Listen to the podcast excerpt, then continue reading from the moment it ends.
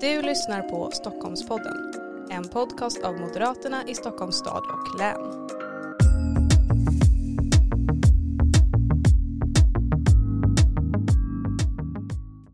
Hej och välkommen till ett nytt avsnitt av Stockholmpodden. Jag heter Disa och med mig idag har jag Ida Karlbom som är kommunikationschef för Moderaterna i Stockholms stad och län. Varmt välkommen hit. Tack så mycket, jätteroligt att få vara här. Härligt. Du har ju arbetat för Moderaterna i ett par år nu eh, och det är säkert många som vet vem du är som lyssnar. Men ifall någon inte vet, kan du presentera dig lite kort? Ja, jag jobbar ju som kommunikationschef i Stockholms stad och län som ju är våra två, eh, läns, eller två förbund i Stockholmsregionen. Eh, och det har jag gjort sedan i mars 2020. Så det var ju, eh, det känns ju väldigt länge sedan nu när, eh, när pandemin tog fart i, i Sverige och övriga världen. Och eh, ja, det är snart tre år då på den här positionen. Och då jobbar jag ju med ett eh, jätteroligt kommunikationsgäng som håller på med allt ifrån formgivning till eh, digital kommunikation.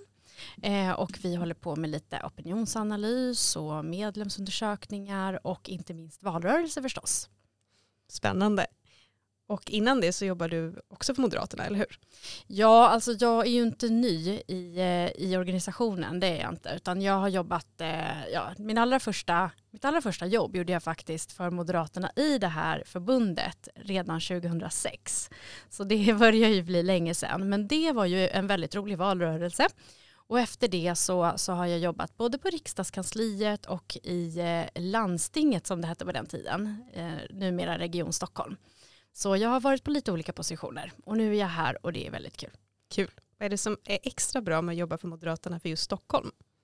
Nej men det är ju alltid kul såklart med, eh, vi, vi jobbar ju med det, det största förbundet, det största länsförbundet och jag menar, huvudstaden är huvudstaden. Eh, det är ju eh, dynamiskt och eh, det är jättemycket folk. Vi, vi driver ju politik och vi driver valrörelse för otroligt många människor. Det är ju 2,3 miljoner människor i Stockholms län. Så att eh, det måste jag säga att det är väl egentligen tyngden i, i det uppdraget som, som är allra roligast. Men, eh, men det är också kul frågor här i Stockholm. Kul att höra. Ja, jag jobbar ju också för Moderaterna i Stockholm och även om jag inte är stockholmare från grunden så känner jag verkligen igen det där. Det är ju väldigt brett Stockholm. det har ju många frågor som speglas av och även om det fortfarande är en kommun som alla andra kommuner så är det ju ändå Stockholm och just den här bredden är ju helt fantastiskt rolig. Man känner sig ju nära rikspolitiken på ett annat sätt också. Ja, på gott och ont. Jag Ja, menar, det precis. blir ju också så att vi ibland eh, sammanblandas väldigt mycket med rikspolitiken. Att det blir svårt att ha en egen lokal identitet. Eh, det är ju lättare ute i vissa kommuner så för, förstås i Stockholms län. Men, men Stockholm som helhet har ju svårt ibland att särskiljas då, bland annat i media från det som händer på riksplanet. För det är väldigt mycket det som, som upptar medieutrymme eh, i, i de kanalerna, i de tidningar och i de ja, andra eh, digitala kanaler som våra väljare ta del av. Så, så det är väl egentligen kanske eh, en svårighet som vi har. Men samtidigt så, så eh, ja, är vi ju väldigt relevanta. Liksom. Våra frågor är oftast väldigt viktiga i ett större, bredare perspektiv. Så ja, plus och minus. Precis som allt annat. Jag tänkte vi skulle gå in lite på ämnena snart men först och främst så har vi ett nytt segment i den här delen av podden och då tänkte vi ställa två frågor eh, Eh, som vi planerar att ställa till alla våra gäster här i podden framöver helt enkelt. Och den första är helt enkelt hur ser Stockholm ut om tio år om du får drömma helt fritt? Oj, svårt att vara först ut och svara på den frågan. Ja, nu ska jag försöka hamna långt ifrån floskler och sånt. Eh, men jag tycker att, eh, eller jag hoppas ju och tror och vill att Stockholm ska vara en, en världsstad. Alltså det blir ju, det blir ju lätt floskelaktigt när man, när man beskriver det så. Men vad jag menar är ju att Stockholm har ju all potential redan och är ju redan idag en jätteviktig punkt i världen för teknisk utveckling, medicinteknisk utveckling. Alltså vi har ju fantastiskt mycket intressanta stora och även små företag. Vi har jättekreativa människor, det händer mycket innovation härifrån och så. Samtidigt så är vi ju en liten eh, plupp ganska långt upp i, i norra Europa som inte egentligen har den givna vad ska man säga, mittpunkten på något sätt i världen utan det är ju lite, vi är ju lite off ärligt talat. Eh, så jag hoppas ju att vi så att säga, ska fortsatt vara relevanta och bli ännu mer relevanta i ett världsperspektiv. Eh, och där tycker jag verkligen att mycket av den här som sagt eh, kreativiteten och, och den medicintekniska utvecklingen och sånt, det kommer ju verkligen mycket härifrån och det tycker jag är så himla roligt och det vill jag att vi ska vi i Moderaterna ska bidra till att stärka. Samtidigt så vill jag inte att eh, Stockholm ska bli en för stor stad och opersonlig som, som storstäder ibland kan bli. Att jag vill fortfarande att vi ska ha lite småstadskänsla. Eh, och det tror jag att vi behöver, då behöver man jobba med liksom just den här lokala karaktären som ändå är ganska olika i olika delar av, av Stockholms stad. Och även då Stockholms län förstås. Att liksom, det finns en, en tydlig identitet i vissa kommuner som man känner sig stolt över sin, sin kommun och sitt närområde. Och det, kan man, det gör man ju även i Stockholms stad. Och just den här småstadskänslan som kan finnas i, även i en storstad, den tycker jag att vi ska behålla. För det är väldigt, väldigt trevligt. Så vill man bo och leva. Ja, Jo men det är väl helt rimligt. Även om vi ska vara en entreprenöriell stad och vi ska ha allt det här fantastiska och en framtidsstad så ska det vara trevligt att ha sitt vardagsliv här också. Så det låter väl som en fant fantastisk balans. Precis. Eh, in på nästa fråga då som är vilken är din hjärtefråga? Nu kan jag ana att det kanske har någonting med entreprenörskap att göra ja. men Ja, jag, jag är inget pokerface där, eh, inte ens i en podd. jag är väldigt, väldigt förtjust i företagande, stora som små. Alla företag börjar ju någonstans. De börjar ju eh, i, som något litet frö som, som växer. Eh, och det här är ju verkligen, eh, vi har ju verkligen en bra grogrund egentligen i hela Sverige. Vi är ju otroligt eh, entreprenöriella. Eh, och det där tycker jag är jätte, jätteroligt och jag tycker det är väldigt inspirerande. Eh, jag, jag är stort fan till alla som både misslyckas och eh, lyckas som entreprenörer. För det är ju otroligt lärorikt. Jag tycker att den drivkraften är väldigt fascinerande och någonting som, som jag då tycker att liksom man ska verkligen främja på alla sätt och vis. Så jag hoppas ju att både Stockholm och resten av Sverige ska fortsätta vara ett, ja, ett entreprenöriellt, en entreprenöriell högborg Um, så ja, det är en hjärtefråga. Vill jag gärna jobba mycket med. Förståeligt. Då gäller det att jobba för ett aktivt och trevligt företagsklimat helt enkelt. Absolut. Både i Stockholm och Sverige. Jajamän. Härligt. Och du gästade ju podden här i höstas senast eh, och då pratade vi ju digitala kommunikationsstrategier. Men nu har det gått några månader och vi har landat lite efter valresultatet och vad tänker du om valrörelsen idag? Ja, jag tänker att det gick ganska fort ändå.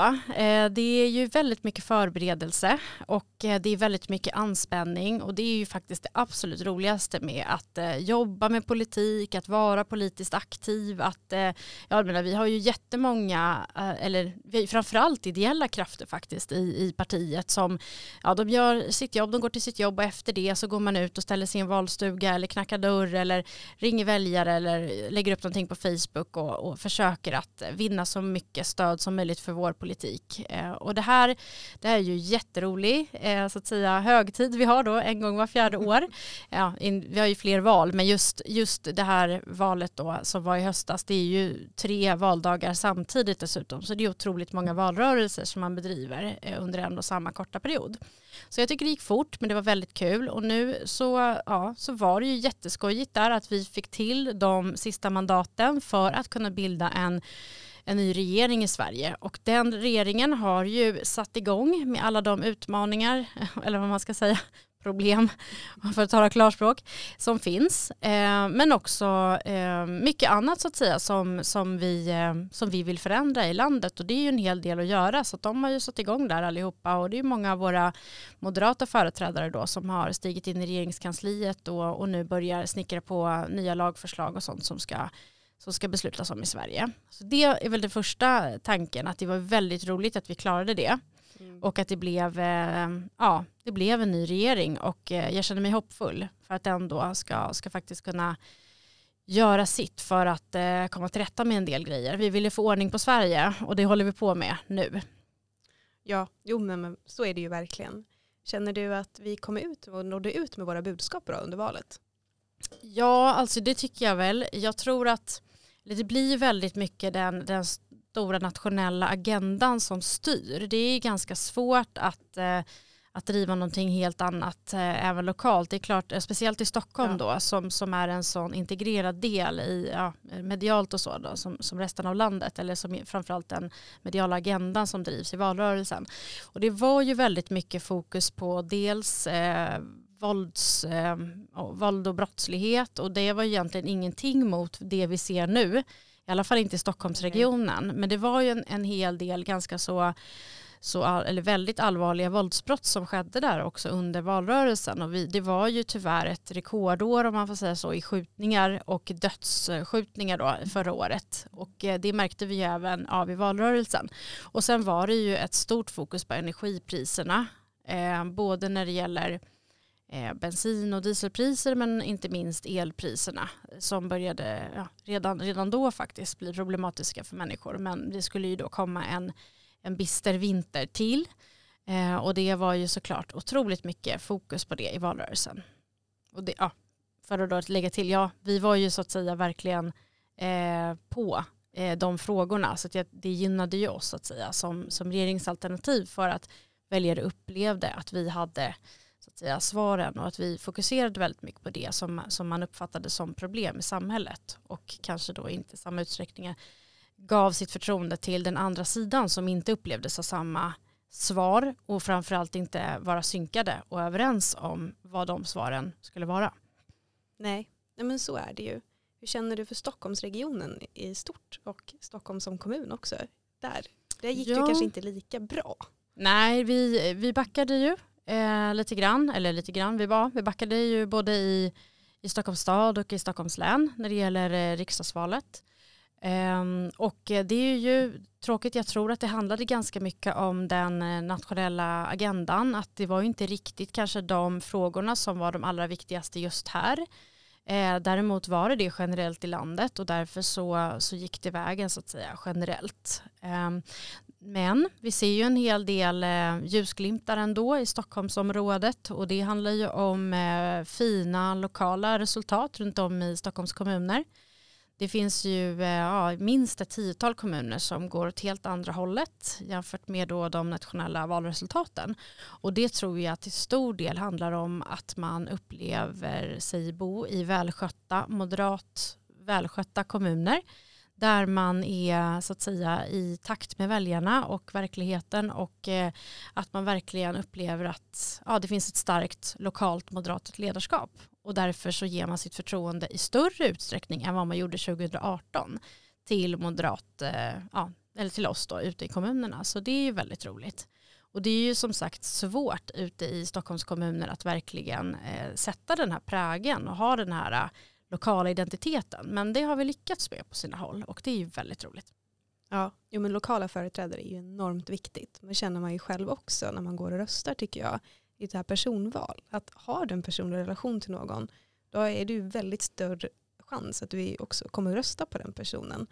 Och det hjälper ju enormt. Så det är tacksamt att vi kan få dem. Jag hoppas att vi kan få det på fler ställen runt om i Stockholm och Sverige såklart det är stort också. Absolut, vi ska ju lära av våra goda exempel och eh, vi ska fortsätta bedriva bra moderat politik. Och det var ju också det som, som eh, de flesta väljarna så att säga an, som, det har jag tjuvkikat i lite valanalyser att det, det var ju många som, som angav just att vi hade bra politiska förslag och vi hade politik som man trodde på som eh, så att säga eh, var skälet till att man valde att rösta på just Moderaterna. Så vi ska ju verkligen fortsätta se till att utveckla politiken så att vi alltid har bra eh, politik att eh, erbjuda väljarna. Ja, och det är en enorm komplimang också att det är därför vi får röster. Det är inte av vilken anledning som helst utan det är faktiskt att vi har bra förslag och bra politik vilket tycker jag låter som en dröm egentligen. Det är det vi sysslar med. Ja exakt, vi är bra på det vi gör då helt enkelt, de här väljarna. Men någon andra som det har gått väldigt bra för det är ju Socialdemokraterna och Magdalena Andersson i spetsen där. Varför tror du det går så bra för Magdalena Andersson? Ja, jag tror att ehm, jag tror att hon har en eh, position som, som många kan ehm, ja, acceptera och, och tycka är attraktiv helt enkelt. Att de har ju Eh, framförallt så har de ju, de har ju lett Sverige länge under eh, kristider helt enkelt. Den ena krisen efter den andra.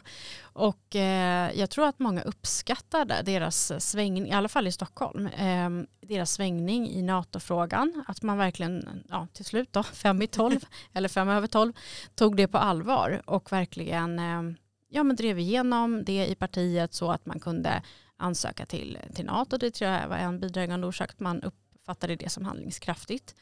Sen tror jag att man, eh, de har ju heller inte riktigt varit supertidiga. De, de till skillnad från oss då, så det här är kanske lite motsägelsefullt, men de hade ju snarare inte någon tydlig politisk eh, så att säga, sak profil egentligen i valrörelsen utan det, det handlade ganska mycket om, om eh, allmänna bilden av hennes ledarskap. Och det tror jag för sig att många, många uppskattade så men de har ju inte riktigt drivit tydligt olika politiska sakfrågor, inte minst ekonomiska frågor, där var det ganska blankt. Det, det uppmärksammade vi också i valrörelsen att det var man, man vill liksom inte sätta ner foten på något sätt utan, utan man ville bara låta det vara öppet så att säga.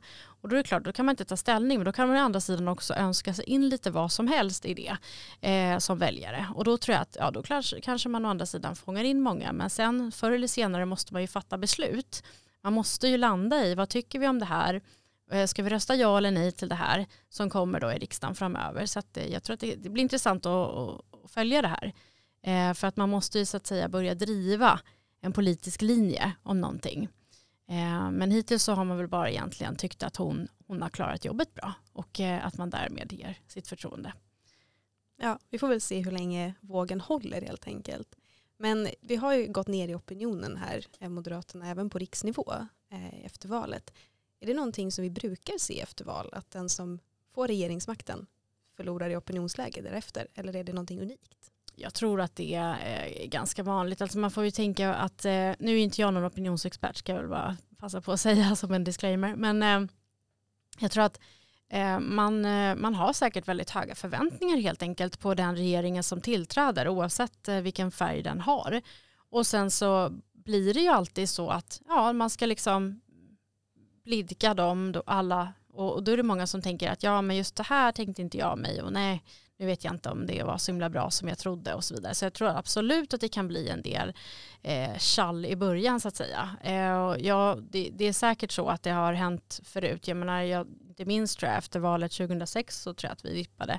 Jag har inte ett jättebra koll på det faktiskt, men jag tror att vad som händer precis efter ett val i opinionen är ju ganska ointressant egentligen i, utifrån, jämfört med vad, vad som händer längre fram. Och just den här regeringen och ja, jag, tycker inte, jag tror inte heller att vi har tappat så himla mycket faktiskt. Jag tror till och med att vi i den senaste mätningen som kom nu har ökat faktiskt. Så det har nog gått fram och tillbaka. Mm. Men eh, jag tror att det, det handlar helt enkelt om eh, att börja leverera. Man levererar eh, moderat politik och det som väljarna så att säga la sin röst för. Och det skulle jag säga har vi all möjlighet att, eh, att visa här framåt för att det är väldigt mycket bra saker som är på gång på väldigt kort tid får man ändå säga. Det är inte så Verkligen. många månader sedan det var val. Eh, och ändå så har det börjat komma nu eh, färdigsnickrade förslag som ska beslutas om i riksdagen och så. och sen vad gäller lokala nivån och regionala nivån, ja då handlar det helt enkelt om att ta tillbaka, ta ett steg tillbaka, fundera på aha, vad, vad var det nu, nu måste vi ladda om, vad ska vi eh, driva framåt, hur ska vi återta väljarnas förtroende för oss och sen så börjar man kommunicera det. Eh, så det är ju det vi håller på med också parallellt. Mm. Ja men det låter ju fullt rimligt också. Och sen är det ju så som sagt, man tänker ju att det ska hända så himla himla mycket för vi har ju jobbat så mycket med den här valrörelsen och då förväntar man sig, man har ju enormt skyhöga förväntningar, det känner även jag. Men man får inte glömma att det har gått lite över hundra dagar i regeringsställning. Och kontra då till tidigare åtta år så tror jag fortfarande att det har kommit bra mycket fler förslag egentligen som är konkreta det senaste. Ja, alltså för eh, ja, förra valet då hade vi ju knappt, då hade ju regeringen precis tillträtt i januari. Så det, de hade ju verkligen inte hunnit med någonting utan här har det ju hunnits med en hel del på eh, de första hundra dagarna. Absolut. Och det är dessutom i ett ganska oroligt läge får man säga. I, både i, i ekonomin och i eh, ja, säkerhetspolitiskt i hela världen. Så, så ja. det får man ändå säga det är bra jobbat. De jobbar på bra tycker jag. Ja, jo, men precis. de möter ju inga små hinder när de sitter och jobbar med de här frågorna. Det är ju inte de minsta frågorna som ligger högst upp på listan av prioriteringar direkt. Nej, det är, det är unikt läge faktiskt. Ja, verkligen. Om vi ska fokusera lite mer på Stockholm här igen då. Det är ju trots allt där vi jobbar och det vi tittar på framför allt. Eh, hur tänker du att vi ska föra mer Stockholmsvänlig politik? Anser du att Moderaterna idag har en Stockholmsvänlig politik?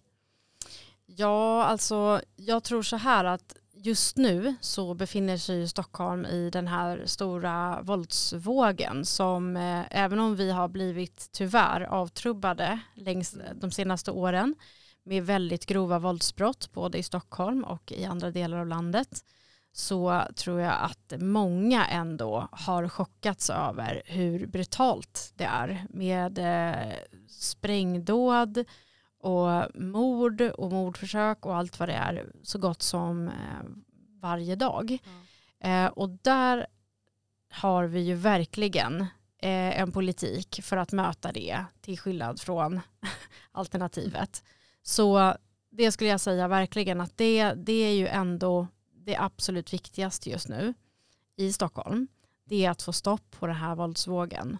Och där har ju vi både den, eh, den politiken som, som behöver sättas in då på riksnivå. Vi behöver ju också fler poliser. Nu har ju Stockholm fått fler poliser kanske till, det är väl tillfälligt men jag får hoppas att det är beständigt för där har vi ett problem med att Stockholm snarare har, har fått, blivit av med poliser eh, sen ett antal år tillbaka trots att vi verkligen skulle behöva fler och det har ju varit ett tydligt, eh, en tydlig inriktning från, från eh, Moderaterna och eh, inför valet då att vi, vi måste få till fler poliser i hela landet men inte minst då i, i Stockholm. Så det är ju på gång. Sen så eh, driver ju vi såklart den frågan hårt mot eh, det nya styret då i Stockholms stad som ju mm. då igår valde, eller från och med igår så har man ju då tagit bort merparten av alla kommunala ordningsvakter. Och vi säger ju inte att kommunala ordningsvakter är precis samma sak som poliser. Det är det ju verkligen inte. Men det kan ju vara ett bra komplement, inte minst nu i den här värsta våldsvågen på, ja, i modern tid att faktiskt ha eh, trygghetsskapande åtgärder som eh, ja, de här ordningsvakterna då som har verkligen bidragit till det. Så vi tycker att det är helt vansinnigt och helt fel att ta bort dem också just nu. Så eh, vi driver trygghetspolitik på alla nivåer i, i Stockholmsregionen. Ja, men det är ju bra och det är helt absurt det där egentligen. Jag läste en rapport om det där eh, från när vi tidigare då tillsatte de här ordningsvakterna att det har faktiskt ökat tryggheten, både känslan av tryggheten och den faktiska tryggheten i Stockholm. Så att välja att ta bort det då, det är ju en väldigt udda politik får jag säga. Mm. Det, det är det verkligen och det har vi ju uppmärksammat och det har uppmärksammats också i TV4 nyligen och mm. eh, Fjellner skrev en debattartikel om det här och ja, det uppmärksammas på alla nivåer och det är ju som säger en, en, en del av, av hela eh, pusslet som, som måste till för att få få ordning på vad ska man säga, kriminaliteten. Um, så det driver vi såklart. Men, men trygghetsfrågan är väl kanske det allra mest prioriterade. Um, både på, ja, på riksnivå eller i, ja, från vår sida sett då i alla fall. Mm. Um, och där har vi som sagt jättebra saker som vi, vi kommer också kampanja på här i vår, eller hur? Precis, det ska vi absolut göra. Kommer ut material alldeles snart dessutom. Så mm. det blir nog spännande att möta väljare med. Men när vi bortser lite från tryggheten då, för förhoppningsvis är det här en tillfällig våldsvåg och inte ett permanent läge, för då går vi in i en helt annan värld nästan här i Stockholm. Eh, vad är det mer för politik som Moderaterna för som är så Stockholmsvänlig, tycker du? Nej, men jag tror att det där, jag tror tyvärr inte att det är, ja förhoppningsvis är den här värsta våldsvågen tillfällig, men tyvärr så kommer det ju krävas väldigt, väldigt mycket arbete och många insatser och många år innan man kan göra Sverige tryggt igen. Mm. Eh, för det, det här har ju satt igång eh, en, en, det är ju massa öppna konflikter och det är ju ingenting som bara kommer att, kommer att avslutas ens om, om eh, många fängslas och verkligen döms och får långa fängelsestraff utan det finns ju alltså en, eh, en vilja att liksom eh, ta, ja, gå i de här fotspåren så att säga bland, bland yngre personer också. Så att det här är ju någonting verkligen som jag tror jag kommer behöva jobba med väldigt, väldigt lång tid framöver på alla politiska nivåer. Men i övrigt så tror jag att eh, vi, vi kommer att behöva jobba mycket, mycket mer med eh, ja, företagarfrågan, med jobbfrågan, med se till att, jag menar nu har vi också den här eh, ekonomiska krisen med eh, hög inflation högre räntor, det är tufft för många småföretag. Det här måste ju mötas med, med full kraft. Och det är ju en jätteviktig fråga som både då måste drivas rikspolitiskt men också så att säga att eh, man lokalt gör vad man kan för att verkligen minska eh, problematiken då och att många blir arbetslösa och så vidare. Så att eh, frågan om tryggheten kanske ja, nummer ett eller delad första plats med ekonomifrågan och företagarfrågan. Hur har vi ett så bra företagsklimat som möjligt både i Sverige och lokalt i Stockholms stad men också i alla andra kommuner som vi jobbar i då i Stockholms län som ju faktiskt är 26 stycken. Mm. Ja, men där kan jag väl känna att det låter väldigt rimligt och klokt. Och det är ju dessutom frågor som vi jobbar på nationell nivå också. Så att det borde ju gå att få ihop det på ett bra sätt. Mm. Men sen handlar det såklart om att det man måste ha är ju man måste ha eh, en, politisk, en politik och en, eh, en kommunikation med väljarna om det som väljarna tycker är viktigt. Och det kan ju vara allt möjligt. Det kan ju vara liksom funkar snöröjningen på gatan utanför eller är, riskerar jag halka och, och bryta svanskotan på väg till jobbet? Jag menar det kan ju vara stort och smått. Det handlar inte bara, bara för att vi är i en stor ekonomisk kris nu och i en våldsvåg i Stockholm så betyder ju inte det att det är det enda vi kan fokusera på, att det är det enda som folk tycker är viktigt, utan det är ju liksom människors vardag eh, som ska fungera och inte bara fungera utan som ska vara bra. Mm. Um, och det är ju liksom vår uppgift då politiskt på, på lokal nivå att uh, kommunerna fungerar bra. Och där har vi ju, jag tror att jag såg att det var nu Täby faktiskt som hade blivit utmärkt igen som bästa kommun eller något sånt där. Och det där är ju det är ju det lilla världen så att säga att uh, människor känner sig nöjda med vad man har bestämt att bo någonstans, att barnens skolor fungerar, eh, som sagt att sophantering och snöröjning och allt det där funkar. Liksom. Det är ju så, man vill ju ha ett bra liv helt enkelt och eh, det är ju det polit politiken då ska möta upp på. Vi ska lösa problemen, vi ska ju också ha bra välfärdsverksamheter. Absolut. Och vi befinner oss i en mellanvalsperiod just nu. Snart är det EU-val och sen så är det val igen 2026. Hur tänker du kring kommunikation här i mellanvalsperioden? Ja, nej men jag tänker att eh, vi absolut inte ska slappa eh, utan vi ska bibehålla en eh, löpande bra eh, kommunikation återkommande i de, eh, dels de frågorna då som, som väljarna tycker är allra viktigast men det är också viktigt att behålla det lokala fokuset överallt. Så att eh, det inte bara blir stora världsfrågor som eh, vi håller på med utan att vi både pratar om stort och smått.